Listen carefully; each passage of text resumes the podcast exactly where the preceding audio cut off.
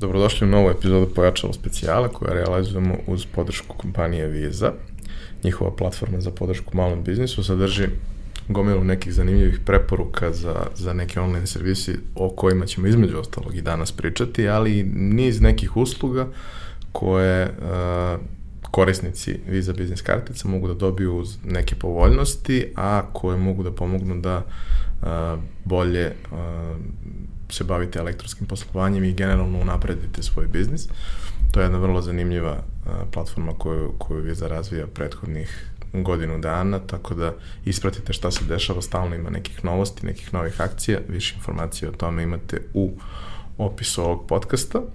A ja danas imam zadovoljstvo da uh, imam u gostima dvoje uh, jako zanimljivih ljudi i kao i uvek ovim specijalima pričat ćemo iz dva različita ugla o jednom uh, istom pitanju i izazovu sa kojima se susreću mali biznisi, ali ne samo mali biznisi, a to je uh, finansiranje sobstvenog poslovanja, odnosno naplata potraživanja, odnosno sve te neke stvari koje, koje ovaj, imaju veze sa tima, koje su izazovi poslovanja u uslovima ne samo COVID-a, nego u uslovima srpske privrede i, i, i naše poslovne klime. Uh, danas mi u gostima Jovan Milanović iz uh, Finspota. Finspot je online factoring platforma, Tako. ali više o tome će, će on reći kasnije, i Milica Čalija, koja je bila gosti u našoj redovnoj emisiji, iz uh, Anđela Kolača, ovaj, koja će ispričati, da kažemo, taj deo uh, iskustva koji je iskustvo nekoga iz realnog sektora ko ima često prilike da kao mali sarađuje sa velikima, malima, srednjima i sve izazove koje to donosi. Dobrodošli. Hvala na pozivu. Hvala. A, Jone, pošto je tvoja, tvoj deo priče je komplikovaniji i manje poznat ljudima. Svi znaju da jedu kolač. Taj deo nije, nije problem. I znaju da kupe kolače u, prodavnici. I u njihovoj radnji na drugim mestima i u kafićima. Nije to sad važno. Ali generalno svi su se susretali sa time. Ali ono što uh, je nešto što se dešava u prethodnih nekoliko godina, da suštinski ti razni novi i ne, ne samo novi finansijski instrumenti koji su dostupni na razvijenim tržištima duže, postaju dostupni i ovde, razne mogućnosti, a da zapravo um, potencijalno zainteresovana publika nije baš potpuno upućena u to šta se tu dešava. Kod nas se negde o finansiranju biznisa, rasta i svega najviše zna kroz s jedne strane taj neki krug uh, pozajmica na ličnom nivou, pozajmica firme, firmi i tako dalje, kroz kredite koji su prastari finansijski instrument koji se i dalje najmasovnije koristi, ali razne ove nove stvari koje, koje se pojavljuju, ljudi najčešće ne znaju, ako su i čuli ne razumeju kako funkcionišu, pa bih te ja molio da nam objasniš uh, šta je zapravo faktoring, koje vrste faktoringa postoje i šta je vaš ugao u toj priči? E pa mislim da si u ovoj najavi a, pogodio dva ključna problema zbog čega a, faktoring kao financijski proizvod nije dovoljno zastupljen u finansiranju privrede, pogotovo malih i srednjih preduzeća. A, to su da ljudi ili ne znaju da postoji to kao opcija finansiranja ili imaju po, pogrešne neke pretpostavke i ne razumeju šta je tačno i koje benefite može da, da donese u u korišćenju. Uh, faktoring je u suštini jedan vrlo jednostavan proizvod. Uh, finansijski proizvod koji postoji dugo, dugo vremena, ali prosto je nekako uh, u nekim, uh, pogotovo državama, kao što je u Srbiji, je nekako ispod radara. Uh, šta, šta zapravo opisuje, kako izgleda proces faktoringa? Proces faktoringa je naj, najprostije rečeno prodaja nedospelih potraživanja. Znači, na primer, Miličina firma koja sarađuje sa nekim velikim lancima, a, verovatno ima problem da čeka dugo na naplatu ovaj, po osnovu tih faktura koje izde tim velikim lancima. Kako je to firma koja rasti, razvija se i želi da ima što više kupaca i da osvoji što veći procenat tržišta, ona jednostavno mora da ima kapital da finansira takav rast i prosto nema luksus da čeka toliko dugo da dobije novac koji je de facto već zaradila. Tako da a, ukoliko ima financijskog rezona, matematike, a, te fakture koje drži u svom posjedu, znači poslu kojih potražuje nešto, ustupi, odnosno proda nekoj financijskoj instituciji koja ima ovlašćenje, odnosno licencu da radi posao faktoringa, dobije a, veći deo a, novca odmah i ovaj, prosto može da finansira svoj rast dalje. Tako da taj, taj proizvod je a, vrlo pogodan za, za manje firme koje moraju brzo da rastu.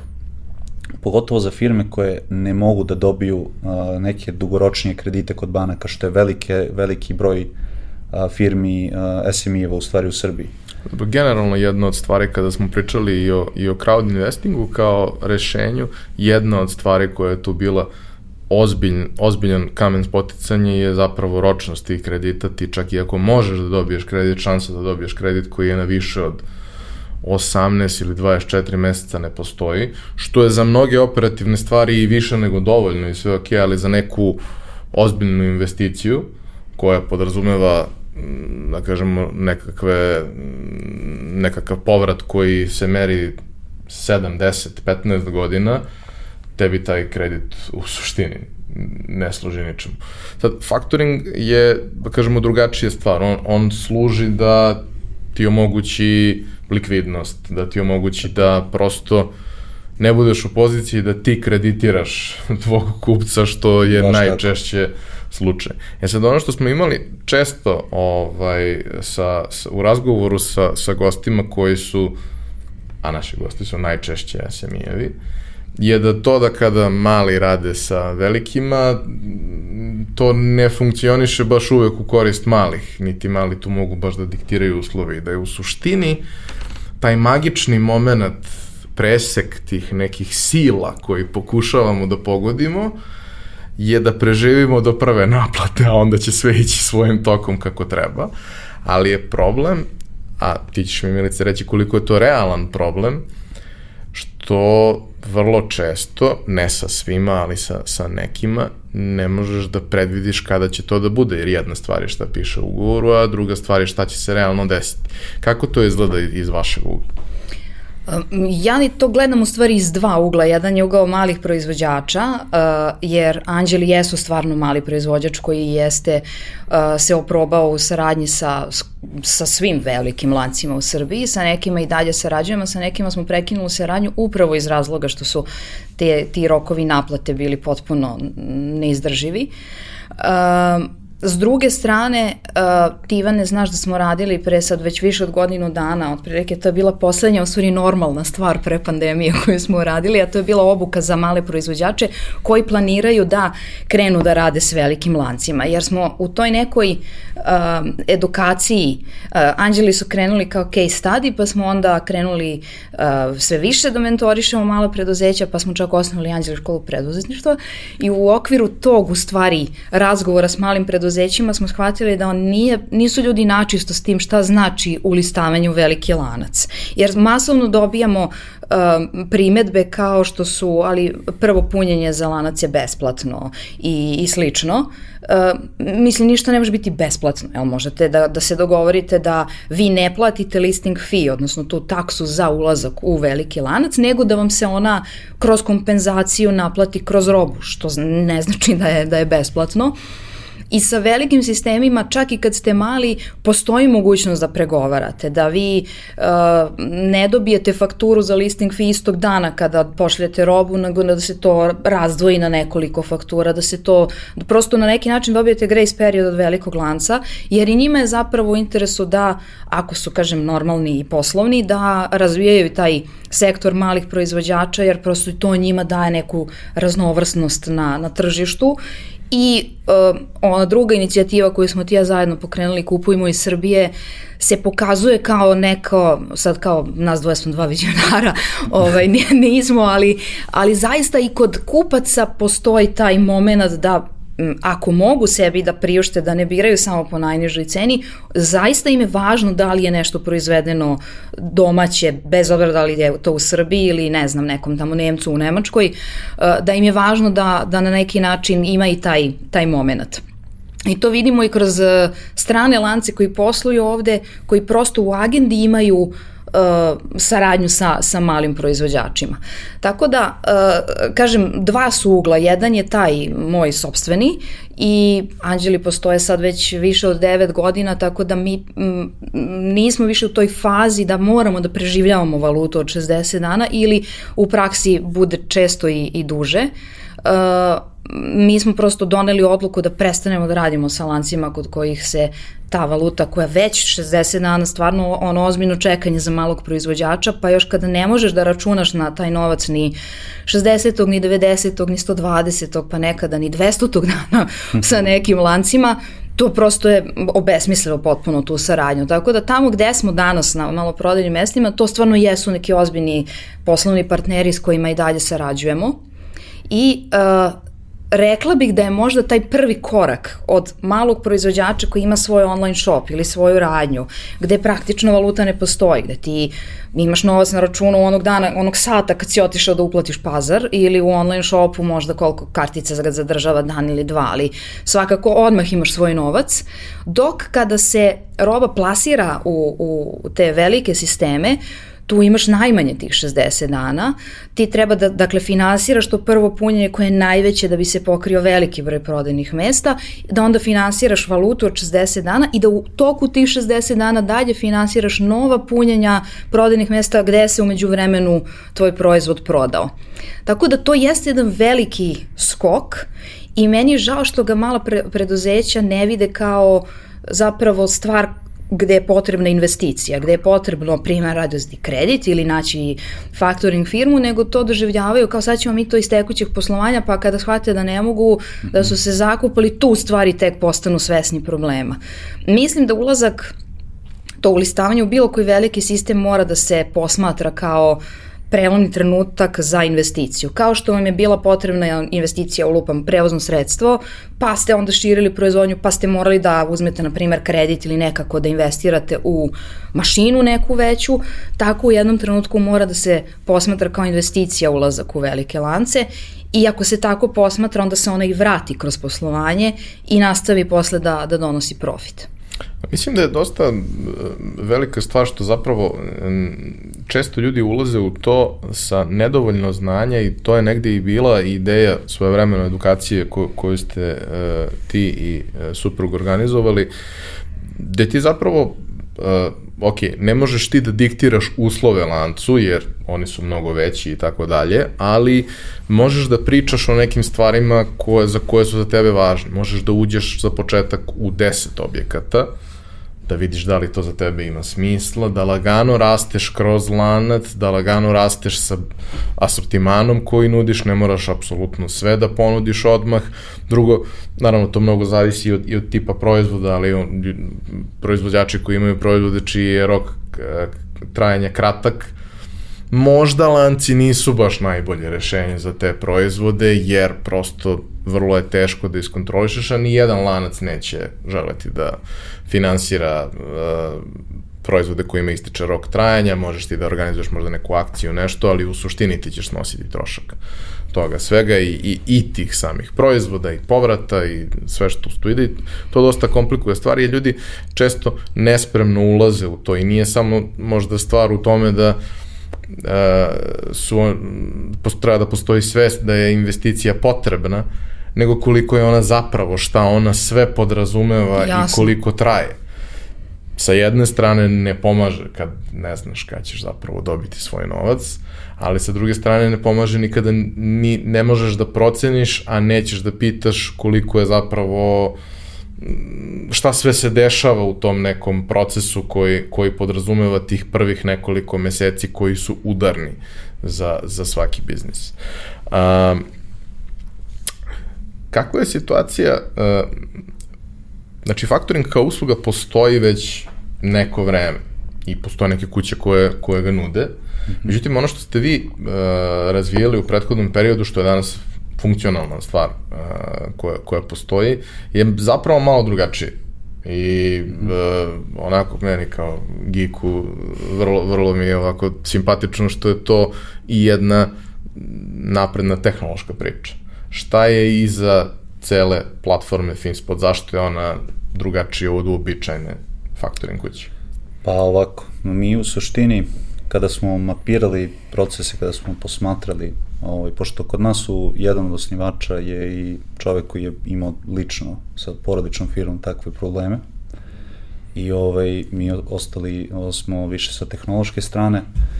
Prosto kad smo zajednički razvijali, istraživali tržište i posmatrali kako se to sad odvija, shvatili smo da upravo jedan od razloga zbog čega firme ne žele i ne koriste faktoring je taj i proces aplikacije i to koliko oni dugo čekaju na, na odobrenje, da se razumemo, faktoring treba da bude instant uh, cash, znači to je, to je proizvod koji se od trenutka apliciranja vrlo brzo treba da, da taj novac bude na računu firme koja je aplicirala.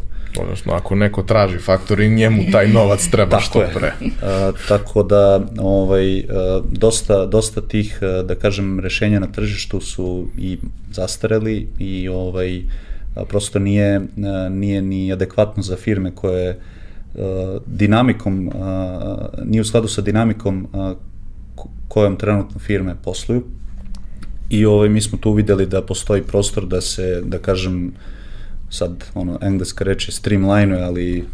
Pojednostavi. Pojednostavi, dakle.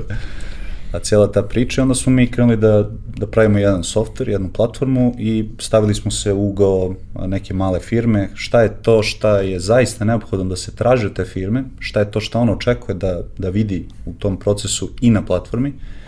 I prosto koliko je najbrže vreme za koje ta firma može da dobije novac. Tako da smo sada, ono, u trenutku sada kada pričamo, mi imamo situaciju gde firma se danas onboarduje i već uh, danas popodne ima novac na računu.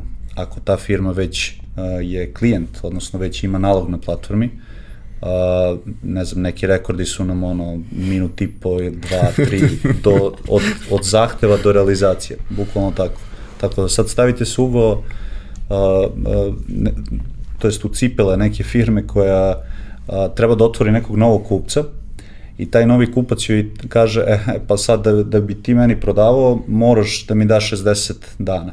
I sad ta firma ima već nekoliko kupaca sa kojima radi, ali prosto ovom kupcu nema lufta da da da da, da možda u pitanju veći kupac, prosto treba im neko rešenje da premosti.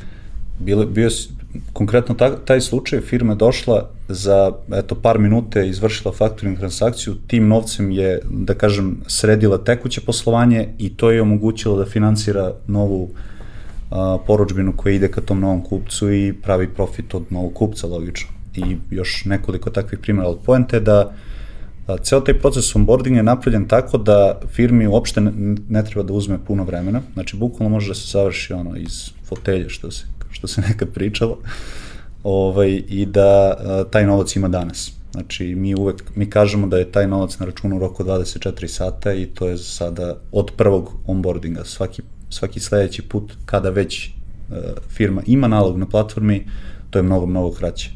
A, kaži mi, u, u procesu istraživanja toga svega, a, sa kim ste sarađivali i takođe, šta, kada ste postavili model, šta su kriterijumi na koji način vi evaluirate kroz sistem firme?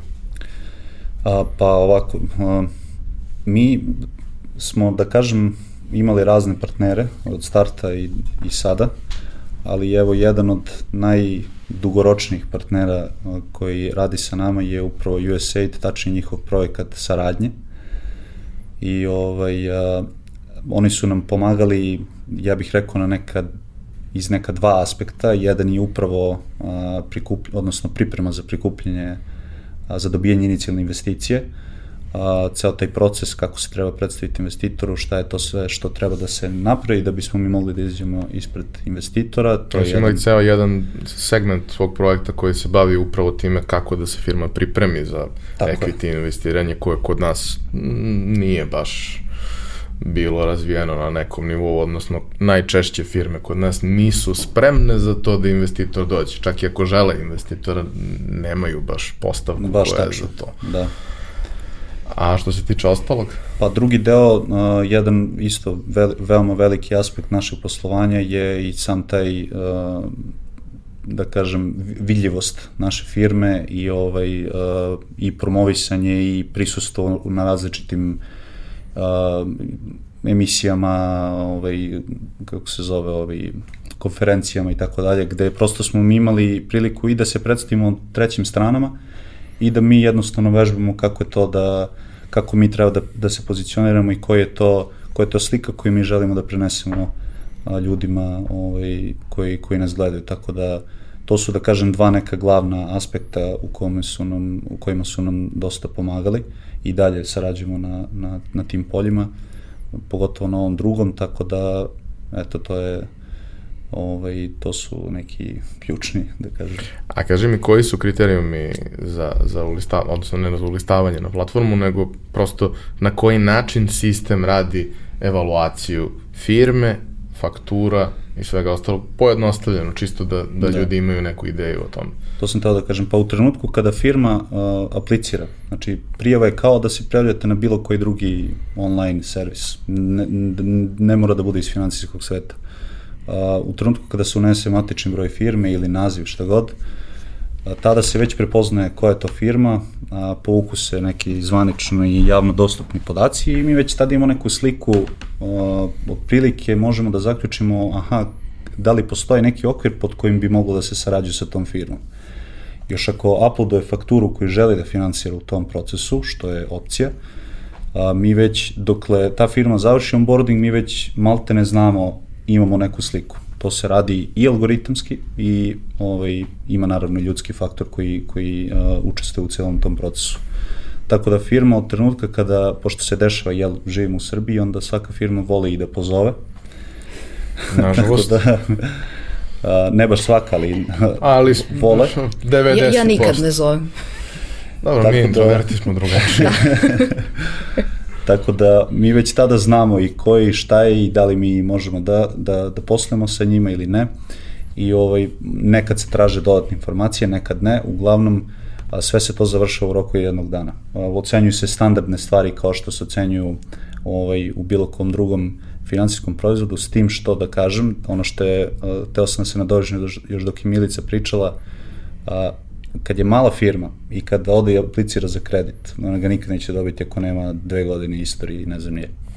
Ali u faktoringu je a, ključ, to jest a, evaluiraju se a, i finansijski podaci i te firme koja traži finansiranje i njenog kupca, ali je ključ ta transakcija. Znači, fokus se stavlja na tu transakciju koja je zapisana na toj fakturi. Ukoliko je to validno, ukoliko je kupac a, verifikovao i kaže jeste, to se zapravo dogodilo, ja ću to da platim, to su, to je da kažem, ono, pola posla što se kaže kod nas.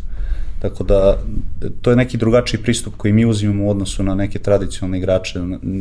Više se fokusiramo na samu transakciju koja se dogodila i time omogućujemo da firma dobije finansiranje, a, a da kažem, sa, u drugom planu su ovi standardni pokazatelji koji se svakako već mogu i automatski analizirati nema potrebe da se tu troši ni vreme ovaj, ni neki resursi, što je upravo jedan od razloga zbog čega možemo tako brzo da Da pričat ćemo još o tome koje su neke vrlo konkretni primeri uh, upotrebe toga, uh, pošto ima nekih zanimljivih slučajeva i, i do sada, ali više ćemo pričati o tome.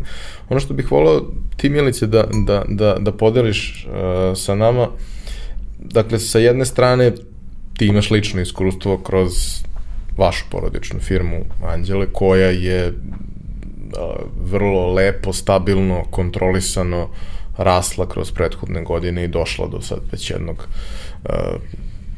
zapaženog nivoa na tržištu i mislim to ti onaj moment kad uđeš negde i mnogo si srećan jer znaš ljude.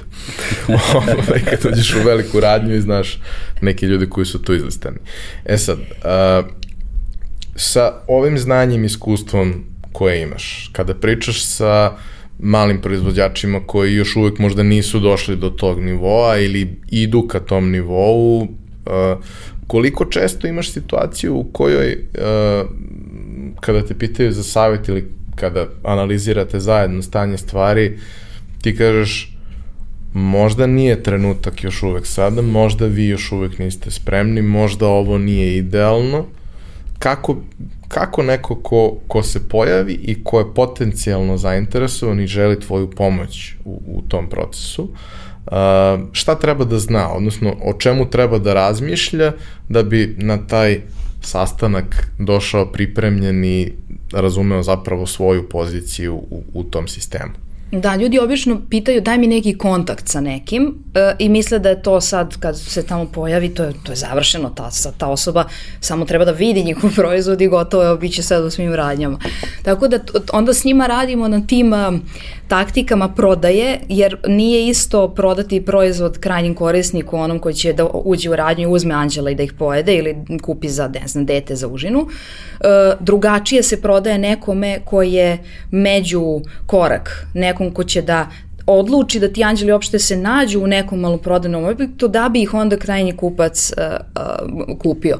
Ali to je kad krenemo nešto konkretno da radimo. Pre toga obično um, tri su stvari, ajde od najmanje, od, od najlakše ispravljive ka najtežoj. Um, često nije, nije spreman sam proizvođač u smislu da proizvodu nešto fali, da ta ambalaža nije takva da može da izdrži uh, nekakvo pipanje na polici, manipulaciju kroz magacine i slično, ili ne znam, nema bar kod koji je sad obavezan zakonom i tako, nije deklarisana po, po zakonu, ali to se prosto lako, lako ispravi. E, druga stvar koju često nemaju u vidu je e, ako se dogovore sa nekim, na primjer, delezeom, da uđu, čak ne mora u ceo sistem, samo u, na primjer, najveće maksije. To je sigurno neke 60-70 radnji, prosto um, ljudi često izgube iz vida da će to biti neka ogromna količina robe koju odjednom moraju da proizvedu i da onda nastavljaju da proizvode dalje nešto za uh, za tržište. Ti si to pomenuo uh, u smislu finansiranja te dalje mm. proizvodnje, tako da ti prosto ne možeš da ne odgovoriš ovaj, Delezeo kad on trebuje ili bilo kom velikom kupcu. Ti ne možeš da kažeš, ja, pa mi smo se malo precenili, pa nemamo sad više maline da pravimo džem, na primer. Prosto ti moraš računati da ćeš cele godine moći da odgovoriš na, na poručbine.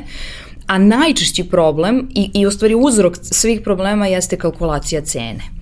I mi se tu stalno ovaj, saplićemo i vraćamo male proizvođače i stalno ako je mali proizvođač i to je obično osoba koja je i vlasnik takođe je se i bavi brand managementom i prodajom, često, nažalost, on sam ne bi toliko platio za sličan proizvod.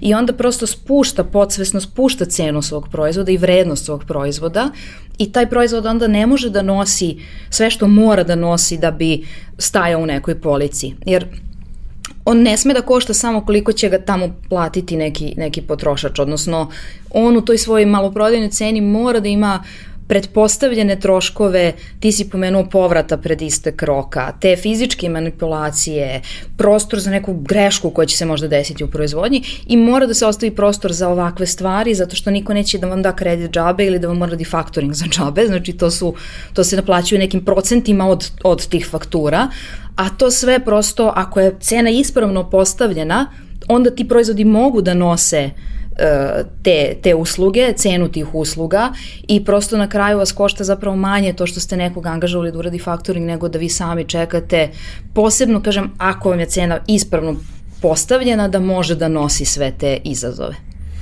A e, kada opet pričamo sa, e, iz ugla malog koji sada ulazi u komunikaciju sa velikima, koliko tu zapravo ima više cimanja nego što ljudi pretpostave da ima. Nije to sad baš varijanta, odnosno možeš i ti samo da isporučiš i to je to.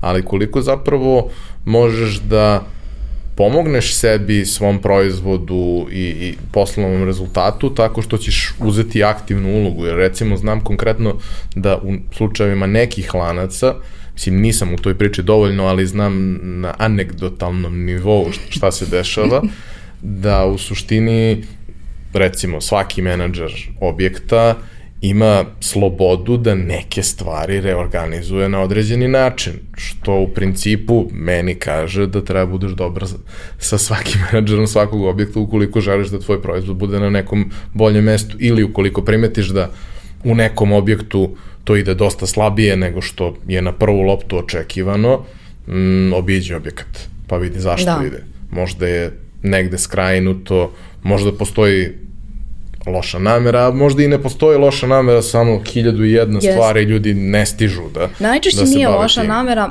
vidi, mislim da idemo ka tome da taj ljudski faktor bude uh, što manje zastupljen u poslovanju. Jednom yes. sam se ja jednom Ivanu žalila. Da, da, da. Svi se raduju. da, a onda je on zaključio, pa da, od sad zapošljavaš samo robote.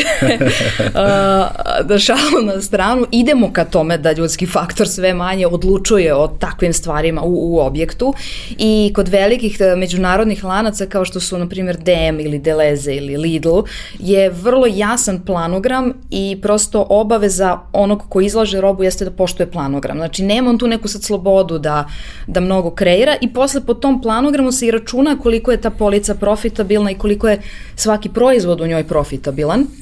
Tako da, zapravo kad ulistate proizvod i kad se on stavi na policu, obično mali proizvođači misle da je tu sad gotova priča, a on u stvari tek tad počne.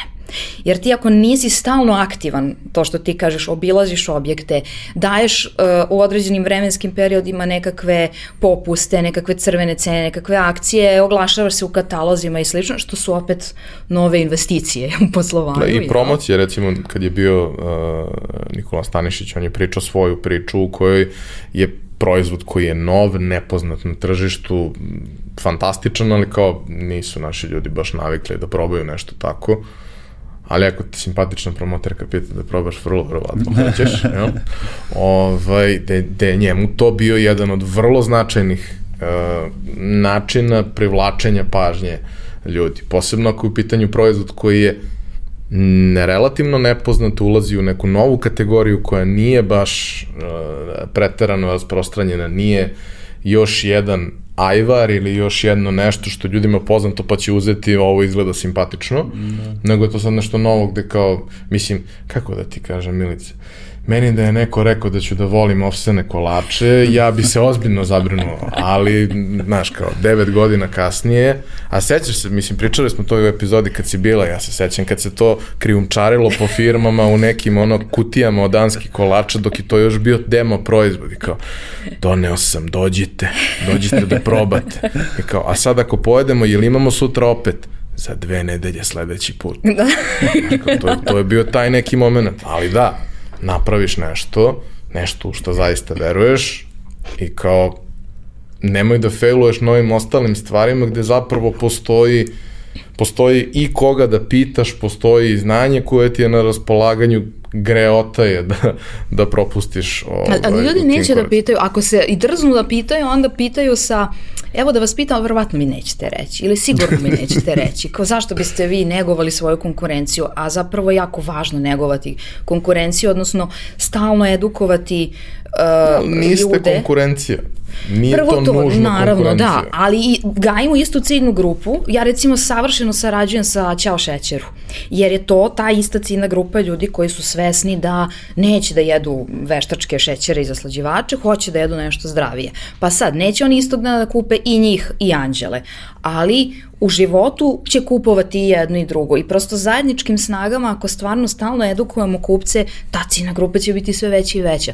Tako da ja stvarno nemam ovaj problem da da edukujem konkurenciju i čak se radujem kad se neko odvaži da bude preduzetnik, to mi je kao nešto, ono, kao rođeni sin da rekao da će sutra da otvori firmu, ali uh, mislim da se generalno boje da pitaju. I sad si pitao koliko ti možeš aktivnu ulogu da preozmeš kada m, si u lancima, ta je vrlo važna aktivna uloga kad si već ulistan. Jer desilo se, na primer, e, da ja slučajno u Maxiju, u Delta City-u vidim da od dve vrste anđela koje su u tom trenutku bili ulistani, postoji samo jedna, samo oni plavi.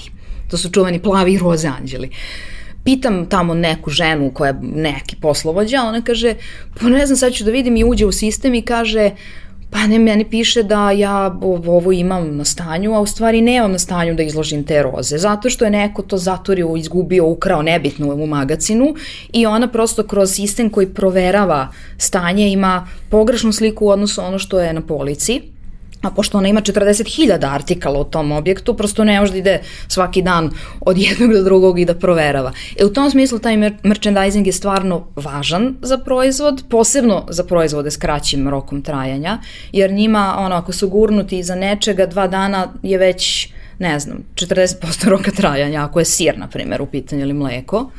Ali takođe možete aktivnu ulogu da imate i tu proaktivnu u stvari u pregovorima sa dobavljačima, jer um, mali proizvođači se često postavljaju tu inferiornu situaciju kao da će sad neki lanac da im prosto učini uslugu što će da ih ulista. Mm. i eto, srećni su ako se uopšte samo nađu, oni kažu pa evo neki predlog ugovora, ovaj kao stvar strava što smo uopšte dobili ugovor, prosto ništa neće da se desi ako vi pitate jel mora sad tako ili možda može drugačije jer vrlo često se desi da može drugačije i da to iz perspektive lanca nešto ne menja mnogo stvari, a da vama u stvari mnogo menja stvari. Mada generalno nije baš, uh, obično se ne završi dobro kad neko kaže, pa nismo imali još takav slučaj. da. ovaj, uh, kada smo pričali o, o tome šta je zapravo faktoring, uh, tu postoji sad jedan uh, veliki izazov koji, koji treba rešiti, a to je da nisu svi uh, dužnici otvoreni ka faktoringu kao, kao opciji. Uh, volao bih da i jedna i druga strana podele svoje iskustvo. Prvo, vi imate nekakvu, kada smo pričali o tome, si mi rekao da postoji nekakva podela vaša interna, prosto iz prakse, iz, iz razgovora, kako to otprilike funkcioniše, kako ona izgleda? Pa da, to je, to je sad jedan od, od problema kada se već, kada firma zna šta je faktoring i želi da ga koristi, to je drugi ono korak koji, na koji može da najde da je problem. A, imamo, na primjer, naj, jedan od slučajeva je gde firma dođe, radi sa, sa nekim velikim kupcem, nekim velikim lancem i ove, želi da radi faktoring i to sve funkcioniše normalno, prijavi se, odradi se, okej. Okay ovaj, po zakonu kupac mora da se obavesti, po zakonu faktoringu u Srbiji, tako da tu se nik nema nikakvih problema. Onda ima situacija gde a, neki ti veliki kupci već imaju uspostavljene odnose, a, odnosno imaju svoj, da kažem, sistem faktoringa, odnosno koriste tu drugu vrstu faktoringa koji se zove obrnuti faktoring. A to znači da se ta velika firma, na primjer neki lanac, marketa, dogovori sa nekom financijskom institucijom i kaže, ok, vi sad meni financirate sve moje dobavljače, pa ćemo mi posle da se prebijemo. Mislim, sve to mnogo subtilnije i ono naprednije, ali, i bez prebijanja, ali, ali tako funkcioniš u praksi.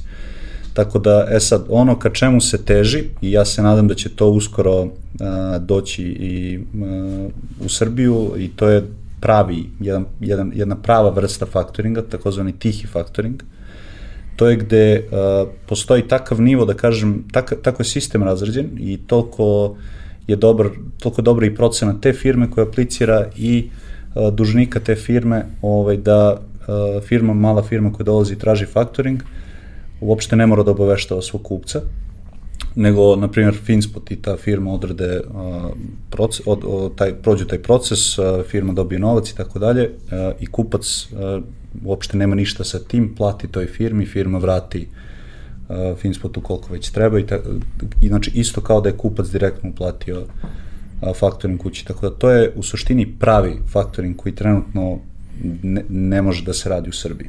Ali... Zbog tog dela koji se odnosi na obaveštavanje Tako kupaca. Je, da. A uh, ono što, što isto znam da postoji, sad naravno nećemo ulaziti u konkretne slučajeve, svako ko ulazi u, u, u neku vrstu saradnje tog tipa treba da bude toliko pismen da pročita ugovor ili da angažuje nekog da ga posavetuje. Ali ima slučajeva u kojima je i deo ugovora to da faktoring ne može da se koristi.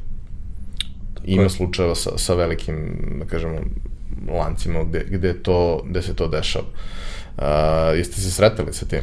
Jesmo. Uh, to je dešavaju se takvi slučajevi, prosto uh, bio je slučaj gde firma nije znala da ima to ugovoru ovaj, i prosto pošto mi ne tražimo ugovor kad, uh, kad se obavlja transakcija, ovaj, uh, sve je prošlo normalno, firma, taj dužnik je obavešten i dužnik se pozvao na član taj taj ugovor, što u suštini ne bi trebalo da radi. Mislim, ne bi smelo da radi. Da radi. Po zakonu o faktoringu, to je, da kažem, starije po težini i sa, ta firma samo mora da bude obaveštena, ne mora nikada da se saglasi. Ali u praksi to malo drugačije. Male U firme. praksi je to onaj moment kada ti kažeš možeš ti da zoveš i da tražiš da naplatiš svoje potraživanje, a mi možemo više nikada ne kupimo od tebe. Da, ili ako, ili ako si hteo da naplatiš potraživanja, piti mene, pa ću ja da ti dam ime i tih slučajeva. Ovaj, ali šta je situacija da ovaj, a, a, hteo sam da kažem, mislim da onda oni prave, traže do, dodatne rabate da bi, do, da bi dobili, ovaj, da bi platili tu firmu ranije i tako dalje, što opet ide na, na štetu te firme ovako ili onako, ali eto, tu smo gde smo. Ovaj, šta sam teo da kažem je da recimo u tim slučajevima, kažem, firma uopšte nije znala da, da ima to ugovoru i sad, iako po zakonu tu niko ništa nije prekršio, znači sve je u redu, uh, takve firme dosta često ne žele da remete svoje odnose sa kupcima i ima i određena možda i doza straha i istorija poslovanja i šta ja znam i tako da te transakcije se uglavnom ne dešavaju. A jel imate nekog s kim vi nećete da radite? Kao, znate da taj svima živima duguje i vi ne možete od njega da naplatite. Naravno, mislim, to, je, to je sve ulazi u, u proces analize koja se, koja se dešava pre same transakcije. Firma kada dolazi i traži otvoran nalog, pošto, kažem, mi smo tu uzeli malo drugačiji pristup. Firma dođe, mi od- odredimo neki limit, sve se automatski odredi, se limit toj firmi koja, pod kojim ona može da operiše i sad ona tu dodaje svoje kupce, sve radi na klik i tako dalje. A, tako da, ovaj, a, d- u analizi tih kupaca koje ta firma dode, znači podigne fakturu od ovog, podigne fakturu od onog, postoje i validni, odnosno i dobri i loši kupci, i srednji, i kakvi god. Tako da sad e, postoji i dodatna nivelacija a, u, u tom pogledu, znači nije samo to što je ta firma koja traži faktoring dovoljno dobro da dobije, već prosto a, postoji rizik i na toj drugoj strani. I sve to ulazi u kalkulaciju, ali je poenta da to sve firma, iako je odgovor ne, iako je odgovor ne sad, iako je odgovor da, zna to Jako odmah. brzo. Tako je. To. I onda kaže, aha, ja znam da, da ne mogu to, ja ću da nađem drugi način. Ja znam da mogu i ako mogu, ja to dobijem danas. I šta sam teo, malo pre kad je Milica pričala, ovaj, kako su uh, na konto ovoga kako svi pribegavaju elektronskim videovima poslovanja, niko ne želi više da, mislim, sve, ljudi, sve više ljudi želi da bude manje u kontaktu, pogotovo i nakon ove prošle godine. Ovaj, ono što je nas recimo vrlo iznenadilo, kada smo lansirali platformu je da svaka firma koja je došla se toliko brzo adaptirala da, da je to neverovatno. Znači oni posle više uopšte nisu hteli ništa, ni da zovu, ni da pitaju, znači sve je, sve je jasno, sve im je na klik i prosto se, su vrlo komfortni u tome što, ja sam se vrlo, to mi je ono najveći šok, da te neke, jer vi sad kad razmišljate o firmama koje, koje bi tražile takvu neku vrstu usluge, kao pa to su neki ili stariji, ili koji se nisu mnogo tehnološki pismeni, šta ja znam, ljudi su toliko brzo ušli u, u caku da je to neverovatno. To mi je recimo najveći. Ma kad ti treba nešto ti naučiš, ljudi nađu način. Uh, šta kaže tvoje iskustvo sa, sa uh, kada je saradnja sa, sa velikima u pitanju, kada je u pitanju to, znači traženje rešenja kako da premostiš svoj problem sa, sa likvidnošću i sa naplatom. Koliko su oni otvoreni ka tome da izađu u susret, ko, koliko, ne moramo ići sa konkretnim imenima, ali koliko njih zapravo poštuje slovo ugovora koji je, koji je postavljen i e, koliko je otvoreno uopšte za te mogućnosti kao što je faktoring. E, Moje iskustvo je da ako su to međunarodni lanci koji posluju u Srbiji, oni apsolutno možeš sada navijaš po, po toj Da, valuti. tu, da što tu ne plaća osoba, tu plaća SAP. Tako je, da. Tu plaća Nemac, mali Nemac, SAP plaća. Da, mi, sad, mi čak imamo, skoro sam baš razgovarala sa, sa osobom koja naručuje kod nas, pa ovaj, mi smo imali zapravo neki zastoj u ambalaži, jer nažalost, uh, sve ću da zvučim kao ono, moji roditelji kad kukaju za Jugoslavijom, ali sve što smo nekada proizvodili, mi to sad sve uvozimo. Između ostalo, kartonsku ambalažu uvozimo.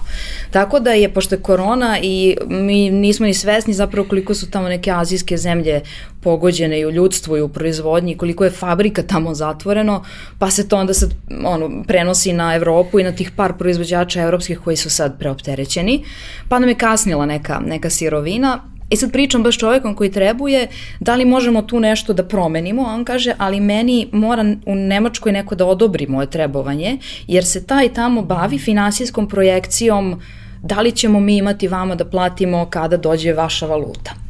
I to me u stvari, to, to je onako kao možda posao kojim ćeš baviti u sledećem životu, to kao projekcijom da li ćemo imati da platimo kad dođe valuta.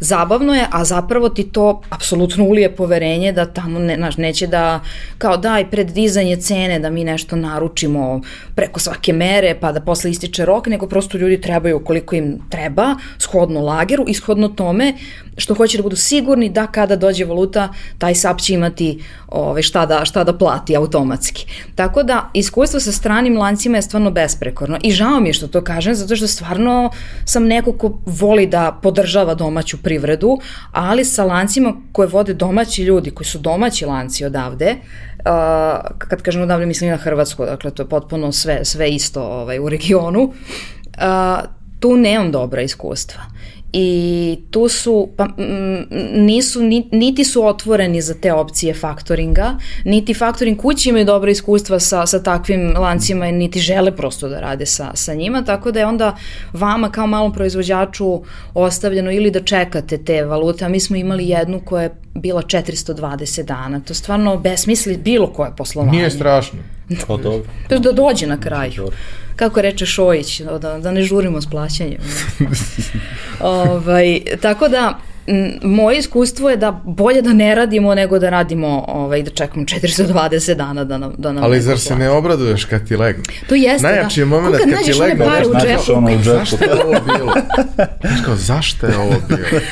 Meni se to dešavalo u, u vreme dok smo dosta ovaj, radili oglašavanje. Oglašavanje je bilo isto jedna od stvari gde prosto ti prodaješ nekakav oglasni prostor, odnosno iz ugla kupca prodaješ ništa. Maglu. Ovaj, I onda kao, pa te ne, a ne košta te ništa, pa možeš da sačekaš. Znaš, mi ovu sezonu plaćamo na početku sledeća, kao, dobro, okej. Okay. I onda kao 13 meseci kasnije legne faktura, kao, šta je ovo bilo? da. Još ako je ono leglo dve fakture, pa nije iznos kojim je poznati, kao šta beše ovo? Sad ima software pa vidiš da, da. šta je ono, uveženo. U stvari možda je najbolji savet to, da nekako to preživiš tih nekih, na primjer, sad lupam 100 dana.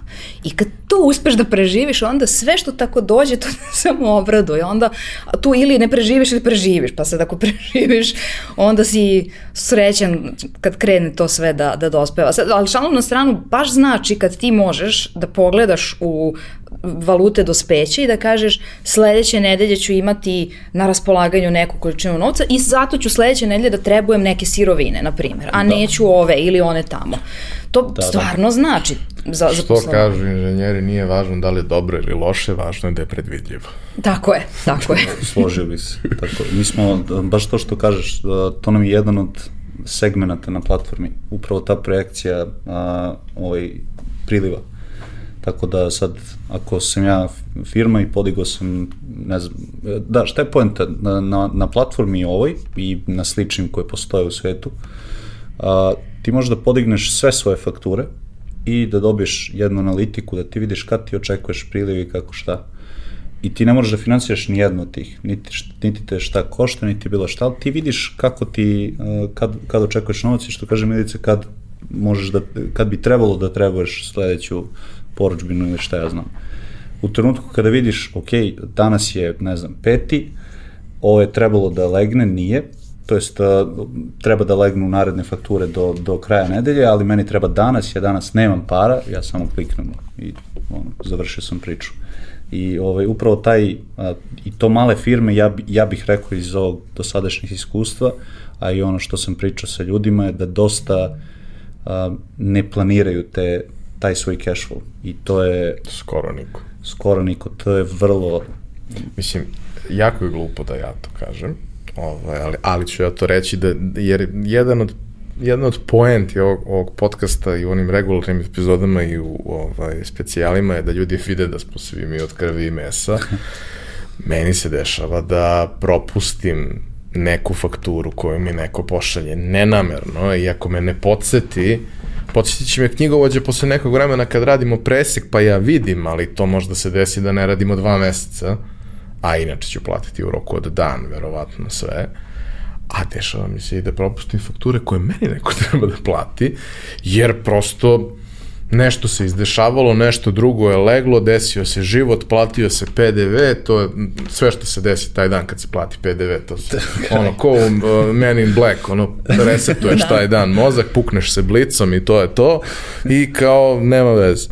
I onda skapiraš da nešto postoji i u mnogo situacija, sad, to su malo drugačije situacije od onih kakve imaju uh, ljudi koji rade sa velikim trgovinskim lancima i slično. Ali u mnogo situacija ti pozoveš ili u mom slučaju pošalješ mail, ne pozoveš nikad i kažeš, e, ovaj, ona faktura od pre dva meseca, jel bi to moglo? Jao, izvinite, i legne u roku od par dana. Da, da. I ja kad sam pričao sa ljudima koji se bave kao, kao savjetnici za naplatu potraživanja, kao, a jeste pitali? Pa što da pitam, pa poslao sam. Da, da. Pa pitajte. Pa pitajte, pa pitajte opet, pa pitajte treći put, pa ako treći put ne rešite ništa, onda zovite nas da mi pitamo, mi, mi kad pitamo, ono, ono obično to bude pitamo. dosta, dosta bolje, ali kao ono, što ne dođete do toga da kao za početak makar pitate, a gde su moje pare? Da. I onda des, desi se neko čudo, dešavalo se x puta ili, ili da Znaš ono kako to bilo, ja sam to sto puta rekao ljudima koji fakturišu nešto. Molim vas, fakturišite okrugli iznose. Zaokružite na veće. Nije uopšte bitno. Ali kad mi pošalješ ono nešto sa 17 para i onda ja to ne mogu da otkucam ili otkucam pogrešno, pa ti dugujem 50 para naredno, naredni period i to, to, to, to je pakao. Ali dobro, to su sve ovaj, dečije bolesti da. i, i, i neke, neki, neki čudni momenti. Dobro, znaš kad svi pitaju i pitamo, i ja isto ovaj, idem, pitam to kad dođe taj tromesečni PDV, onda da. se seti, onda svi se pitamo nešto. Iako knjigovođa stalno tvrdi te pare kad vam to, kad naplatite fakturu, to nisu vaše pare, nemojte da potrošite pare za PDV i ti kažeš ne, nikad. I naravno uvek potrošiš. Ne bi onda, ja. I onda iskupljaš kad ja. treba da ga platiš. I to do 15. Znaš, to do obično kao to se ne vidi negde, ti možeš PDV da platiš i 10 toga ko hoćeš, niko ti ne brani, ali obično svi pitamo se oko 10 pa 15 kao u poslednjem trenutku se plaća. E, to, kao, koliko košta nešto? Koliko košta nešto? Pa inače košta, ali sad mi fali toliko. Pa ako bismo mogli da, da, da. nekako da iskombinujemo. Ove, ovaj, da, naravno, Me, to mene su sve... zanima da li i druge zemlje tako posluju. Znaš, da li Nemci zovu jedni druge pred PDV i tako? Ne verujem. E, ja mogu da kažem iz, iz ugla, pošto smo istraživali ono naširoko i sve moguće zemlje, svuda gde postoji slične stvari, kako posluju, znači, na, neki od razvijenih zemalja vrlo su, da kažem, dobri po prometu faktoringa što govori o tome da ljudi koriste to, znači i, i tamo postoje ta kašnjenja i, i dugi rokovi naplate, recimo UK, odnosno Velika Britanija je, ja mislim, prva u Evropi, ako se sad zove Evropa, ovaj, po, po procentu faktoringa u odnosu na svoj BDP, onda Švajcarska je veliki, što to nikad ne bih rekao. Dobro, ali mislim, ne mora da znači da je to nužno stvar kašnjenja plaćanja. To su možda samo rokovi koji su duži, a oni žele da budu da. maksimalno likvidni u tom nekom smislu. Prosto kada radiš na tržištu koje ti omogućava da imaš više cene, više marže, ti možeš sebi da priuštiš i da kažeš ok, ja ću sad se odreći određenog procenta profita, ali ću da imam idealan cash flow i da ne razmišljamo o svim ostalim Ima stvarima. Da. Ne mislim da, da, da, jer nekako mi se čini, iako naravno ne postoji pravilnost nikakva tog tipa, ali ono što Milica kaže da međunarodni lanci, međunarodni veliki sistemi te stvari rade automatizovano, ne zato što oni vole to, nego zato što u suprotnom to ne bi funkcionisalo, mm. ovako funkcioniše. I ono što, se, što, što je meni genijalno, a nisu svi veliki lanci takvi, ali oni koji, koji jesu, su mi super, što je kao, svaki objekat u koji uđeš, možeš da zažmuriš i ako znaš gde je šta, ti ćeš i dalje da pokupiš sve što treba i da završiš. Kad mi se desi da uđem u ono kao, ne znam, jedna, jedan tip radnje na jednom delu grada, a sad sam u drugom delu grada, ali treba da uradim nabavku. I uđem i kao rešavamo lavirint ponovo, ništa nije isto, i kao, mhm, dobro, zašto? Pa onda čitaš kao, pa da, ali to je da te zbuni da bi više vremena proveo, pa ja da sam teo više vremena da provedem, mislim, znaš, kao, Ali dobro, ima, ima nas raznih, ima svega, ali čini se da taj neki deo profesionalizacije i automatizacije dolazi. Apsolutno. Kako će tržište da odreaguje na to sve i ko će tu izgubiti tržišnu utakmicu, a ko će pobediti, to ćemo videti. Svašta se nešto dešava prethodnih godina što mi se čini da, da nekako vodi ka nekoj dobroj stvari. Ovaj, ali ono što, što bih voleo još, uh, Jovane, da nam pojasniš, uh, to je da uh, tip usluge koji, koji nudite je u principu za sve. Ali vi ste u ovih nekoliko meseci, malo više od nekoliko meseci, uh, uhvatili neke vrlo zanimljive šablone, jer kao inženjeri hvataju šablone, ovaj, za koje tipove usluga je tako nešto idealno, odnosno za koje tipove firmi, koje tipove faktura, to deluje kao baš jako dobar meč, jako dobar fit. Da, baš si lepo to ovaj, razložio, ono, ne postoji pravilo sad u ovoj industriji ne može se koristiti ili nije preporučivo, a, ali prosto ono iskustvo daje brojke i ovaj neke industrije gde je to naj da kažem prirodnije koristiti su proizvodna delatnost i to u kontekstu, navišću posle jedan primer nabavke i tog materijala, repromaterijala za proizvodnju i šta ja znam, a, trgovinska, veliki, veliki procenat ukupnog tržišta je trgovinska delatnost, mislim da u Srbiji čak i najveći, a, zatim usluge, a, a, transport je vrlo vrlo interesantna oblast, nije toliko a, procentualno zastupljen u Srbiji, a na zapadu je recimo dosta, dosta zastupljenije i to je nešto što ja bih rekao da možda uh, i naj, najbrže raste uh, što se tiče udela u celo, celom tržištu faktoringa. Ovaj, zatim uh, prehrambena industrija, to su isto uh, interesantni uh, korisnici faktoringa, tako da to su neki, da kažem, koliko je to bilo, pet, uh, pet industrija. Ovaj, uh, u svakom od tih postoje neke neki kejsevi gde, uh, koji se najviše ponavljaju za koje ljudi koriste faktoring. Tako, na primjer, imaš slučaj u transportnoj industriji uh, gde firme, uh, logično treba im gorivo da bi prevozili stvari, I onda dosta često oni imaju uh, opciju sa tim uh, naftnim kompanijama od kojih uzimaju gorivo da ako plaćaju avansno ili ako uzimaju veću količini ili jedno i drugo, da imaju poprilične popuste na, na, na gorivo. Tako da sad firma dođe, imali smo ta, nekoliko takvih slučajeva, uh, u suštini joj ne treba faktoring, ali izračuna. Znači kaže, aha, ja ako sad financiram ovu fakturu, ja ću platiti toliko, a onda ću s tim parama da kupim gorivo za posao u narednih x meseci i ja tačno štedim ono, 8% recimo. Vrlo ono... Vajdica. Vajdica. I, i, I sad neko ko tako planira, mislim, logično će da napreduje onda si imao situaciju gde a, firma proizvodi neke stvari, da sad nalazim u detalje, i prošle godine a, cen, cene repromaterijala su varirale ono kao Bitcoin faktički. I sad a, firma prepozna a, pošto je u tom poslu nekoliko godina i sad zna šta je niska, šta je visoka cena i za koliko može da proda to što bude napravilo posle i prepoznam trenutak na tržištu kada je dobro kupiti, jer ne znam da li će posle ići, koliko će koštati nakon toga, ali treba pare sada to kupi.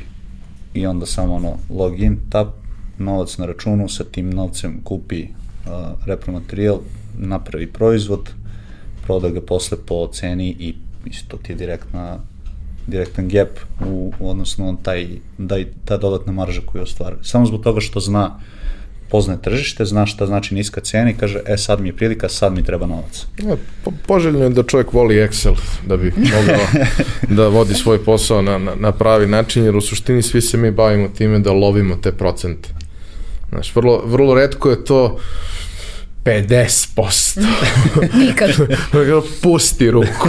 Nikad to nije tako, uvek ti juriš tih nekoliko procenata gore dole, u nekim industrijama više, u nekim industrijama manje, zavisno i od obima i od svega, ali što su stvari uh, masovnije, to svaki procenat koji negde možeš da uštineš, nešto što možeš da optimizuješ, pojednostaviš, nešto što možeš da rešiš na drugačiji način.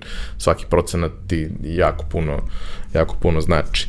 Uh, Milice, kod vas kada, kada ste krenuli sa, sa širenjem na velike sisteme, vi ste to radili pametno i kontrolisano, prosto oboje ste ljudi koji jako dobro razumeju kako to funkcioniše, ovaj, ali ste došli e, i do toga da lagano razvijete i svoju paletu proizvoda, da ona više nije samo nekoliko osnovnih e, kolača, nego tu sad postoji čitav set e, dodatnih komplementarnih proizvoda.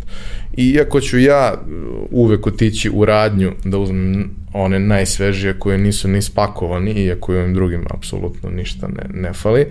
Uh, pretpostavljam da vaša maloprodaja je mm, jako dobar izvor feedbacka od kupaca i sve ostalo, ali ne predstavlja sad značajan procenat ukupne, ukupne prodaje.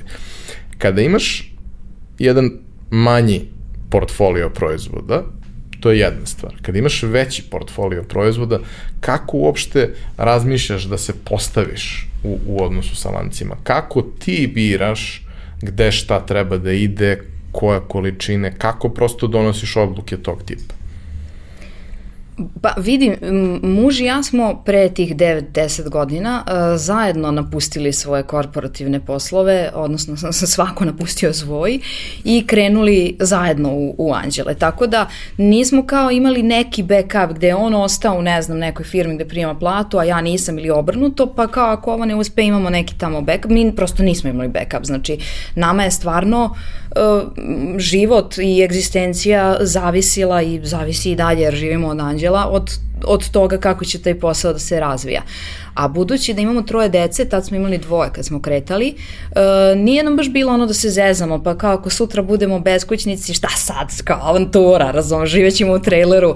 Sa decom nekako malo, imaš više zadrške, prosto manje si sklon uh, riskantnom ulaganju i, i riskantnom ponašanju finansijskom, a i svakom drugom.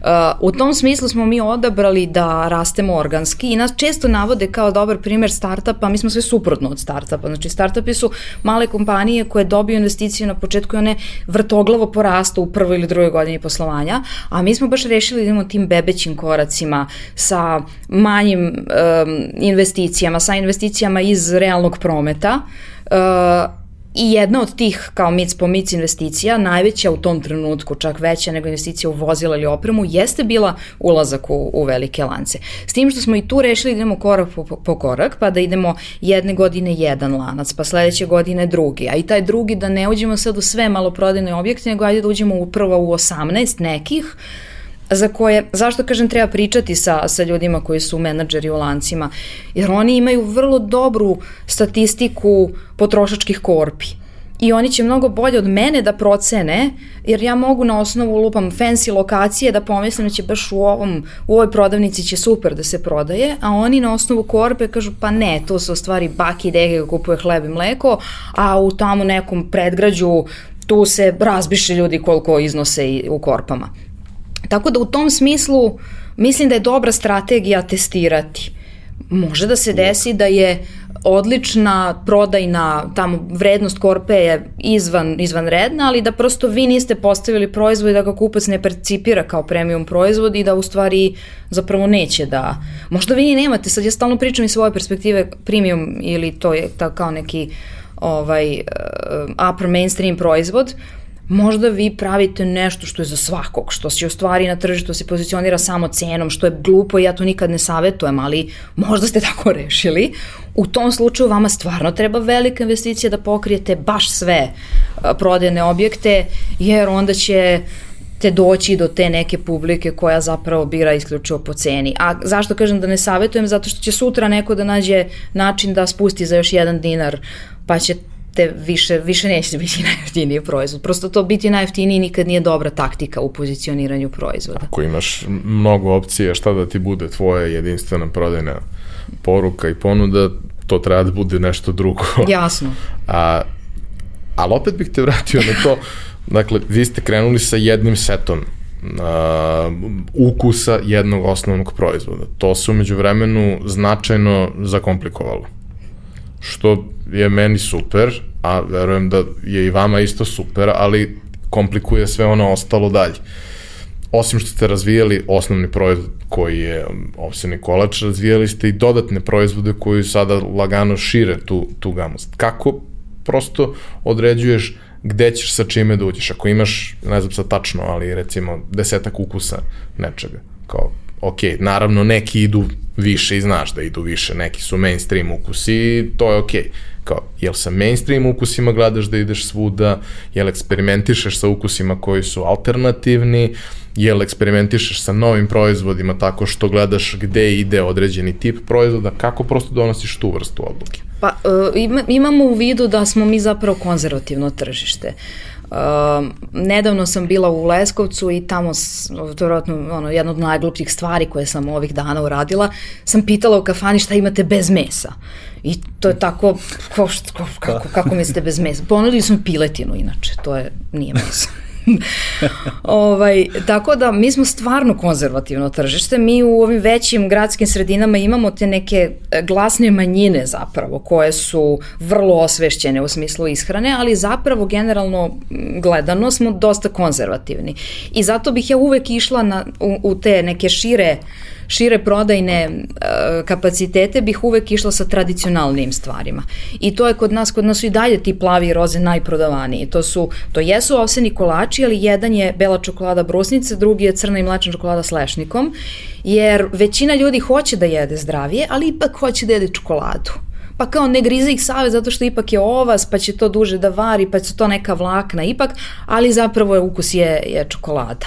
Tako da u tom smislu bih ja preišla sa ovaj, tim nekim konzervativnijim opcijama. Uh, naš zapravo prvi kao odvažniji korak je bio ekstra bar, pošto on nije kolač, kao kolač je za svakog, i za mamu, i za dete, i za baku, i za deku, i svi vole kolače. Uh, Ovaj, a barovi se nekako kod nas percipiraju kao to jedu ovi što idu u teretanu. uh, pa smo mi pokušali da ga pozicioniramo kao obrok, užinu, čak dezert, dakle ne moraš posle ideš da vežbaš, nego se jednostavno zasladi bez griže savesti. I tu smo imali zapravo neviđenu sreću da to prepozna, to, to što smo mi pretpostavljali i testirali na manjem uzorku kroz naš online shop i kroz naš ovaj shop fizičk, fizičku radnju koja je na vračaru. Uh, inače, mislim da je obojici interesantan podatak da mi imamo dane kada su nam izjednačeni prometi u te dve radnje, online shop i radnja. Imamo dane kada online shop bolje radi. I to je nekako super vez za bilo koji mali biznis i posebno za ovu emisiju, pošto znam da Viza mnogo ulaže u, u online poslovanje, da ti zapravo uh, sa mnogo manje troškova, ti platiš izradu sajta i te neke sitne mesečne troškove, dok radnja je i zakup i struja i ne znam soko i ako puštaš muziku, a puštaš i zaposleni i doprinosi i sve ostalo, a na kraju se desi da online shop pravi isti ili, ili veći promet. A ne mora gazda Milivoje svake subote da bude da, da. full Ali, sređen. Ma da voli, on voli i to je zapravo, za, zašto i on i ja jako često volimo da budemo u radnji, zato što to u stvari ti staneš pa gledaš šta su ljudi kupili, pa ih često pitaš šta su kupili, pa njima bude drago da te vide tu i nemali broj ljudi ulazi i kažu, a ja sam vas slušao u pojačalu. Uh, tako da odatle u stvari input za sledeće proizvode. Prosto vidiš šta ti duži period kupci naručuju ili kupuju u radnji, vidiš po opet po Excelu zapravo, po analizi proizvodnje ti vidiš da si crnu čokoladu s višnjom pravio 16 puta češće nego belu čokoladu sa ananasom recimo. I onda ćeš razmišljati da ovaj prvi koji se, koji se više prodaje dalje ovaj, upakuješ i plasiraš u lance i to će zapravo biti naša, naša sledeća ta veća investicija. Još dva ukusa Anđela i još dva ukusa ekstra bara koji će onda biti opet u toj celoj prodajnoj mreži. Ja, samo ono, pokušajte koliko god je to moguće, a jako je teško da se ne oslanjate samo na svoj osjećaj. Super je kad možeš da se osloniš na osjećaj i nekada kad treba da doneseš odluku odmah osloni se na osjećaj. Ali kad imaš malo više vremena, potkrepi osjećaj podacima, vrlo često ćeš mnogo da se iznenadiš. Da, da. Jer kao, svi mi, vrlo često kada analiziramo tako nešto, mislimo da ide dobro ono što se nama sviđa. Uh -huh. A ne znači da zapravo tako ide je. dobro. Jer ti pamtiš svaki put kad radiš ono što se tebi sviđa, ti ga zapamtiš. Kad radiš ono što ti se ne sviđa, naravno ne pamtiš ništa od toga, jer kao želiš da potisneš da si uopšte to sve radio. I onda podaci su onako jedna prilično, prilično jasna, egzaktna, konkretna stvar iako se prate na pravi način, a može relativno jednostavno da se postavi da ih, da ih pratiš, daju ti mogućnost da upravo dođeš do toga da napraviš neku vrstu predvidljivosti. Pa i kad iskoče stvari iz okvira predvidljivosti, što kažu, kad pretpostavljaš nešto u planiranju, ti možeš da pogrešiš 10%, ali nećeš da pogrešiš 200%. Kad ne pretpostavljaš, granica koliko možeš da pogrešiš je u principu beskonačno. Tako je. Posebno što sa velikim lancima ti stvarno imaš vrlo konkretne izveštaje prodaje. I to je, vratimo se na ono kako mali proizvođač uh, sedi i razmišlja sad će meni da obore cenu, pa će mi uzeti uh, 2% za ovo, 3 za ovo, 5 za ovo, 6 za ono. Između ostalog, jedan od tih uh, rabata ti za uzvrat dobijaš uh, bukvalno svake subote izveštaj iz bukvalno svake prodavnice u kojoj se nalaziš. Sad ti kad si mali i kad radiš sedam poslova, ti realno nemaš kad da odvojiš to vreme da ti prođeš kroz te tabele, a to je u stvari nužno da neko radi, zato što ti onda možeš da reaguješ, ovo što smo pričali, vidiš da nešto super ide, a da nešto konstantno ne ide, ili da samo negde ne ide, znači da tu negde postoji problem, da možeš prosto da reaguješ, da ga ispraviš, ili to što ti kažeš, iznenadiš se nekad i vidiš da nešto što si onako reda radi kao ulista da bi imao malo širi, širo mjesto na polici, da to baš što je bio kao neki on outsider, da se to zapravo narodu sviđa i da se to odlično prodaje. Ne treba pretpostavljati šta se ljudima sviđa, treba ih pitati. Jer što je jako teško kad si introvert, ali, bože moj, navikne se, navikne se čovjek. I testirati. Uh, hvala vam. Mislim da smo dali ljudima neke teme za razmišljanje i glavobolju. U principu ja sam skapirao da u posljednje vreme šta god da, ovaj, o čemu god da pričamo, na kraju određeni ljudi dođu do, do, do nekih mnogo pozitivnih zaključaka, a mnogo ljudi ima glavobolju narednih 7 dana. Ali dobro, ovaj, sve je to na kraju dana u svrhu toga da ojačamo ovaj segment privrede za koji mislimo da je najvažniji, onaj koji bi trebao da bude najagilniji, najinovativniji, najinteresantniji onaj koji daje dušu i uh, po 15. put, nemam izraz na srpskom, ali amerikanci kažu flavor, a ukus nije, nije ono što pokušavam da kažem, ali upravo to, kao nešto što, što daje sav taj kolorit, emociju i sve što ustoji i što čini ovo tržište ovakvim kakvim jeste, jer kao to nikad neće biti... Narativ. Narativ, dobro, može. To, to je nikad, sad moderna reč. to nikad neće biti 70% tržišta, ali i sa 20 taj deo privrede može da funkcioniše, da zapošljava, da raste, da se razvija i da možda u nekom trenutku dobije priliku da napravi taj veliki iskorak, izađe na još neko tržište i, i tako dalje. Svi znamo priče koliko je ljudi krijumčarilo anđela preko granice kada ide u Hrvatsku ili okolne zemlje, jer prosto to je jedan od omiljenih poklona koje ljudima možeš da doneseš. Kao što su oni nama nekada dok toga nije bilo donosili bajadere i slično, tako mi nosimo anđela. Ovaj, hvala vam još jednom. Hvala našim prijateljima iz kompanije Visa koji, koji podržavaju uh, realizaciju ovog serijala. Njihova platforma za mali biznis sadrži mnogo zanimljivih i korisnih informacija. Pogledajte više o tome na linku u opisu iz ovog podcasta. Ja vam se zahvaljujem na pažnji. Vidimo se u nedelju u redovnoj, a u narednu sredu u sledećoj specijalnoj epizodi.